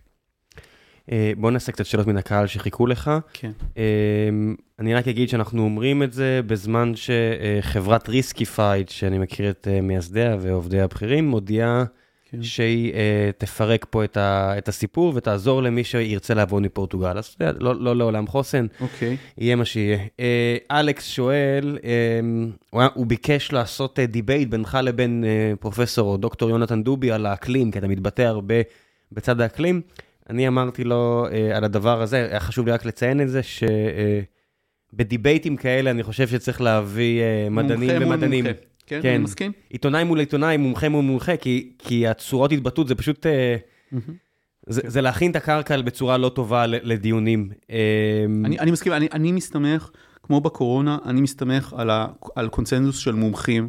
אני לא מציג את עצמי כאילו אני פרסמתי מחקר, ולגבי הפרופסור המדובר, אם, אם יש מחקר אקלים ש, שהוא פרסם בעצמו, אז אני כמובן תמיד שמח לקרוא את הדברים האלה, גם אם הם מנוגדים, כן. במיוחד אם הם מנוגדים לקונצנזוס. אה, נוריאל שואל, האם למחנה השמאל, עם מירכאות, יש אשמה בכך שהליכוד התחבר באופן סופי עם חרדים וחרד"לים? Mm. אולי למען טובת המדינה לא היה צריך להחרים את ביבי. אני לא חושב ש... אני, באמת, זה אחד הדברים שנורא מעניינים אותי. מתי בפעם האחרונה, זאת אומרת, מתי התחילו להחרים את ביבי? נניח גנץ, כשהוא נכנס איתו לממשלה בקולות המרכז-שמאל, הוא החרים את ביבי? זה היה מתי? לפני 20 שנה? שנתיים. לפני 10 שנים? כן. אז, אז מתי החל החרם הגדול על ביבי? בדיוק. נתניהו עבור פוליטיקאים במרכז-שמאל הוא רעל אה, אלקטורלי, בגלל שהבוחרים שלהם לא אוהבים אותו. זה לא חרם רשמי, לא התכנס עולם הקונספירציות, לא התכנסו מועצת הלא יודע מה, והחליטו שמחרימים אותו. הפעם האחרונה שמישהו ניסה, הוא עקץ אותו כמו האגדה, כמו המשל על הצפרדע והעקרב. איך הוא עקץ אותו? הוא לא התכוון לקיים את ההסכם של הרוטציה. אם אני זוכר נכון, אבישי בן חיים אמר שהוא נשבע, שהוא יצביע לגל, אני לא זוכר, משהו כזה. באמת, כאילו אין, אין פה, לא היה חרם עליו בגלל שהוגש נגדו כתב אישום, וזה, הוא יצר בעצמו מצב שבו קהל גדול של ישראלים לא רוצה שנציגיהם ישבו איתו. אז מה? מה צריך לעשות, להגיד לקהל הזה? לא, תשבו איתו, צריך להגיד, הרי אחרי גנץ, באמת, צריך לה, אני חייב להסביר את הנקודה הזאת. גם אם הם רוצים, הם מפחדים. הם מפחדים שנתניהו יעקוץ אותם. כי נתניהו עקץ את כל מה שנמצא לידו. איפה גלעד ארדן היום? איפה גדעון סער היום? איפה לימור לבנת היום? איפה כל נסיכי הליכוד היום? איפה אה, כולנו, ומשה כחלון היום, אה, לדעתי היה אמור להיות יושב ראש אה, מקרקעי ישראל, as we speak right now. הפרק הבא, אני רק אגיד, אה, כן. הוא עם אה, רועי פולקמן מכולנו. אוקיי, אז, אז איפה הם כן. כל האנשים האלה? הוא, הוא עוקץ אותם, הבוחרים לא אוהבים, הבוחרים של המרכז שמאל לא אוהבים אותו, ואז בסוף צריך איכשהו אה, לשבת. הוא גם הציע, הוא בא אחרי הבחירות, נשא נאום לאומה, אמר אני רוצה להקים ממשלת אחדות לאומית, הוא אפילו לא אמר את זה. זה כמות הפראייריות כאן. עכשיו, למה הוא לא אמר את זה? כי הוא יודע, אני אגיד עכשיו משפט קשה, נתניהו לעולם לא יפקיר את גורלו הפוליטי בידי אנשים הגונים. הוא לא יכול, הוא לא יכול. הוא לא יכול יותר, הוא לא יכול להרשות לעצמו את זה. זה, יכול להיגמר בכלא. זה, לא, זה יכול להיגמר בזה שהם יפרשו, כן. ואז הימין יזכור לו, הוא יודע שהחיים שלו, הוא, הוא חתול עם המון נשמות, אבל הנשמות הולכות ונגמרות בסופו של דבר, פוליטית. אה, רועי, רועי טל שואל, אנחנו רואים תהליך בו מדינות המערב מתנתקות מהדמוקרטיה ומעדיפות אוטוקרטיות עם בחירות. האם יש מדינות בעולם שעושות תהליך הפוך כרגע והופכות ליותר דמוקרטיות? אה, זאת שאלה ממש מעולה. יש תופעות כאלה במזרח אסיה, בהחלט, שאפשר לראות אותן. איזה מדינות אה, במזרח אסיה? מה, וייטנאם? כן, כאלה מין... אג- אגב, גם שם עכשיו יש בדיוק איזה חזרה לאחור, וזה, אבל באופן כללי, כשאתה מסתכל על המצב, נניח במקומות כמו קמבודיה, וייטנאם, במקומות האלה, כאילו, לאורך עשר שנים, אתה עדיין נמצא, אתה יודע, אתה, you're, you're still ticking up, אוקיי? מבחינת מדדי החופש. זאת אומרת, מדדי החופש השתפרו, אולי בגלל רשתות חברתיות, או בגלל סיבות אחרות. אה, אני חושב ש... שהאלמנטים הפופוליסטיים יכולים לשרוד כל עוד הם לא הופכים להיות הרסניים לחברה שבאופן אמיתי. והסיבה שוויקטור אורבן שורד, צריך להגיד את זה בצורה ברורה, זה שהונגריה לא קורסת. ולא רק שהיא לא קורסת, היא גם לא מגורשת מהאיחוד האירופי. אותו דבר לגבי הפולנים. וכל עוד זה המצב, אז מדינה יכולה טיפונת לדשדש, או לצמוח בצורה קצת יותר נמוכה. זה מוזר בעיניך שהאיחוד האירופי לא בגלל גירש ש- את הונגריה? בגלל שמדובר בחבורה באמת של, אה, כאילו זה, זה, זה כזה, זאת כזאת מערכת מכנית של טכנוקרטיה, אז שום דבר לא מוזר בעיניי. זאת אומרת, אין לי ספק שאם ההונגרים יתחילו לשים עשרות אלפי אנשים במחנות מעצר, מתנגדי משטר, אז הם יפרישו אותם, אוקיי? אבל כל עוד הוא כרגע, הוא כרגע באופן אמיתי פופולרי, אוקיי, ויקטור אורבן, ואתה יודע, הוא לא חווה את מה שנתניהו חווה כרגע. אני מקווה שזה ברור שמה שקורה בישראל עכשיו זה ממדים מהפכניים, זאת אומרת 300-400 אלף איש ברחובות שבוע אחרי שבוע, זה המון, כאילו, בכל קנה מידה. אז אה, כל עוד הוא שם אה, והוא לא נוקט באו- באוטוריטריות כפייתית אלימה, אז, אה, אז הם לא יגרשו אותו. יש פה עכשיו שאלה, נעשה עוד שתי שאלות ונסיים, יש פה עכשיו Mhm. שאלה אנונימית. האם תוכל לתת איזושהי סקירה או כמה מילים על המצב בין אה, רוסיה לאוקראינה ומה הסיכוי לראות סוף למלחמה שם ואיך אתה חושב שזה יכול להיגמר? אני כרגע, אני מדבר עם אנשים שמבינים בזה הרבה יותר ממני, גם, ב, גם באוקראינה וגם בארצות הברית וגם באיחוד האירופי, הם לא רואים כרגע את הסוף, אה, וגם קשה מאוד לנבא, כי זה הכל תלוי בתהליכים מחשבתיים שנמצאים בין אוזן שמאל לאוזן ימין של ולדימיר פוטין, זאת האמת. וזה חלק מהבעיה עם משטרים מהסוג הזה, שהיכולת שלך לקבל איזושהי צפיות, אה, היא, היא מאוד נמוכה כשהכל תלוי בבן אדם אחד. אה, זה ברור לחלוטין שזאת מלחמת הפרוקסי הגדולה של ראשית המאה שלנו, אה, שנקווה שהיא לא ת- ת- תתפתח למשהו יותר רחב. אנחנו רואים התחלה של חבירה סינית, ואנחנו רוצים לקוות שזה לא יגיע לידי ציר של סין, רוסיה, איראן. תשמע, אני ראיתי, זה אחד הנושאים שהכי מעניינים אותי, וכשאתה רואה איך הסינים מתנהלים ומה הם עושים, כאילו הם יכולים עכשיו אה, לזרום עם הרוסים, אבל הסינים, אני חושב, אה, מספיק למעלה במפלגה הזאת של המיליוני אנשים שלהם, לא שוכחים שהרוסים לקחו להם את מנצ'וריה מזרח, או לא יודע איך זה נקרא, האזור הזה, ולא נראה לי שהם שוכחים שאת אה, ימת יקול או בקול, או לא יודע איך זה נקרא שם, כל המים המתוקים האלה שהסינים צריכים ואין להם, אני חושב שהם רואים את הלונג פליי. הם רואים את רוסיה עכשיו, והם ישתו אותה אחרי זה, כמו שהם רוצים לשתות את אה, לאוס, וכמו שהם שותים באפריקה, וכמו שהם שותים בישראל, אתה יודע, זה, נכון. זה נורא אה, ציני ולטובת סין. אה, כן, וגם יש להם את הצרות שלהם, והם יש להם בצרות. המון צרות, הם חזרו להם- לפחם, כי הם לא מצליחים... אה, יש להם המון צרות, ובכלל, כל הסיפור הסיני זה שהודו הולכת לעבור אותו מספר אוכלוסייה, הבור הדמוגרפי, הדרך שבה הממשלה בעצם, אתה יודע, דנג שיאופינג, כל הבסיס היה, הייתה סיסמה שעליה בוססו כל הרפורמות. והסיסמה הייתה מאוד יפה, הוא כאילו בנה הרי שתי מערכות, מי שלא מכיר, אחת ציבורית והשנייה פרטית, שני משקים, והסיסמה הייתה, אתה לא תאכל אותי ואני לא אוכל אותך. ומה שקרה זה שהנשיא שי אכל, אכל אותם, את מי הוא אכל? את המגזר הפרטי, הוא אכל את המגזר הפרטי. הוא אכל את, את, ה, את הכסף, יש שני סוגים של כסף בסין, כסף מחוץ לסין וכסף בתוך סין, דולרים של סין ודולרים מחוץ לסין. ו, וההצהרה הזאת היא הרבה יותר גדולה ממה שהיא נראית, הרבה יותר גדולה ממה שהיא נראית. אני, אני, אני כמו שחבריי בשוק ההון אומרים, לא, אני לא בשום פוזיציה לכאן או לכאן, אבל אני אומר את זה כביטוי, אני לא לונג על סין. אני לא- אני כרגע לא לונג על, אה, אני לא יודע איזה מדינה מלבד דנמרק, אה, אני בטוח שיהיה בטוב. בוא נעשה שאלה אחרונה, זו שאלה אישית, יניב הרפז שואל, העיסוק האינטנסיבי באחת מהתקופות הפחות יפות של הפוליטיקה הישראלית בטוח גובה מחיר בשחיקה. איך אתה שומר על שפיות? אה, זאת שאלה מעולה. א', אה, לא בטוח שאני שומר על שפיות. אני חושב שזה נכון על כולנו. אה, אני מבואס. אני מבואס, אני בהחלט, אה, זה בהחלט משפיע עליי. אה, ו... ואני חשוף לזה 24/7, זה פשוט חשיפה 24/7 למשהו שאנשים מסתובבים בכל מקרה, כאילו אנשים כתיקונם, שיש להם עבודה רצינית, לא עיתונאות. אז הם חשופים לזה כל הזמן, ו...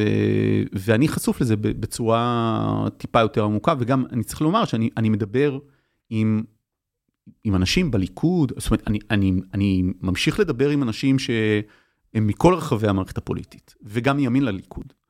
אז אה, זה לא דבר אה, פשוט אה, לשמור על שפיות בימים האלה. אה, אה, אני אגיד משהו כאילו, כאילו כזה לסיום. אה, דיברתי בפני מכינות, אה, 700 אה, חניכי מכינות בירושלים, ואמרתי להם, תשמעו, הם כולם היו מאוד, זה המכינות שמתנגדות, והיו מאוד כזה אה, קרביים אה, לעניין, ואמרתי להם, תשמעו, אני רק רוצה להגיד לכם משהו, אה, כל עוד אנחנו זוכרים מה היא ישראל, ומהם הרעיונות שעשו את ישראל גדולה וטובה, והבית שלנו, גם אם הדבר הזה יעבור, גם אם זה יעבור, הרעיונות האלה ממשיכים במידה רבה מאוד, ימשיכו להבהב הרבה הרבה הרבה שנים פה, בתור, כמו איזה מגדלור כזה, הם ימשיכו להבהב, ויהיה אפשר לנווט אליהם אה, מחדש. כל הדיבור הזה, אני לפעמים שומע את זה, לא יהיה דרך חזרה, אין דרך חזרה, לא יהיה דרך חזרה. בשיטות ממשל וזה, תמיד יש דרך חזרה, השאלה זה מה המחיר, ועדיף לא ללכת בדרך שהיא דרך לא טובה. אבל בניגוד נניח לחברה שנסגרת, כי עשתה המון טעויות או משהו כזה, אין דרך, יש דרך חזרה למדינה. מדינות, כל עוד הן לא, לא יודע, נכבשות, משועבדות, מפורקות או משהו כזה, יש להן דרך חזרה, הן יכולות לשקוע בתוך ניוון כמובן. אבל התפקיד שלנו, אני חושב במידה רבה מאוד, כ- כאזרח אני אומר זה, לא כעיתונאי, אה, זה שהמגדלור ימשיך להבהב. שהוא ימשיך להבהב, שהוא ימשיך להגיד, היי, יש פה איזשהו רעיון, יכולה להיות מקצועיות, יכולה להיות ענייניות, יכול להיות אה, שופט חובש כיפה מהתנחלות שיקבל החלטה שהיא החלטה עניינית לפי החוק, יכול להיות שופטת מרחביה שתקבל החלטה לפי החוק. יש איזשהו בסיס רחב לשיחה, בסוף כשאנחנו יוצאים לרחוב אנחנו יודעים לדבר עם אנשים אחרים, זה לא הכל נראה כמו שזה נראה בדיונים הכי חומצתיים באולפני הטלוויזיה, לא רק בערוץ 14. והנורמליות הזאת היא מה שחסר, אני חושב, לפוליטיקה הישראלית, ו- ונעלם ממנה בעקבות השנים המטורפות האחרונות, ובגלל דמויות מאוד ספציפיות שאפשר לנחש מהן, ואפשר להשיב את זה, לדעתי, עדיין די מהר. הנזק כבר נגרם, גם לכלכלה וגם לתודעה וגם לרקמה הישראלית, אבל אפשר להשיב את זה. המגדלור עוד לא מהבהב בחשיכה, אוקיי? הוא התחיל עם האורות שלו, ונקווה שהחשיכה לא תיפול. ובנימה זו, תודה רבה נדב. תודה, תודה. רבה.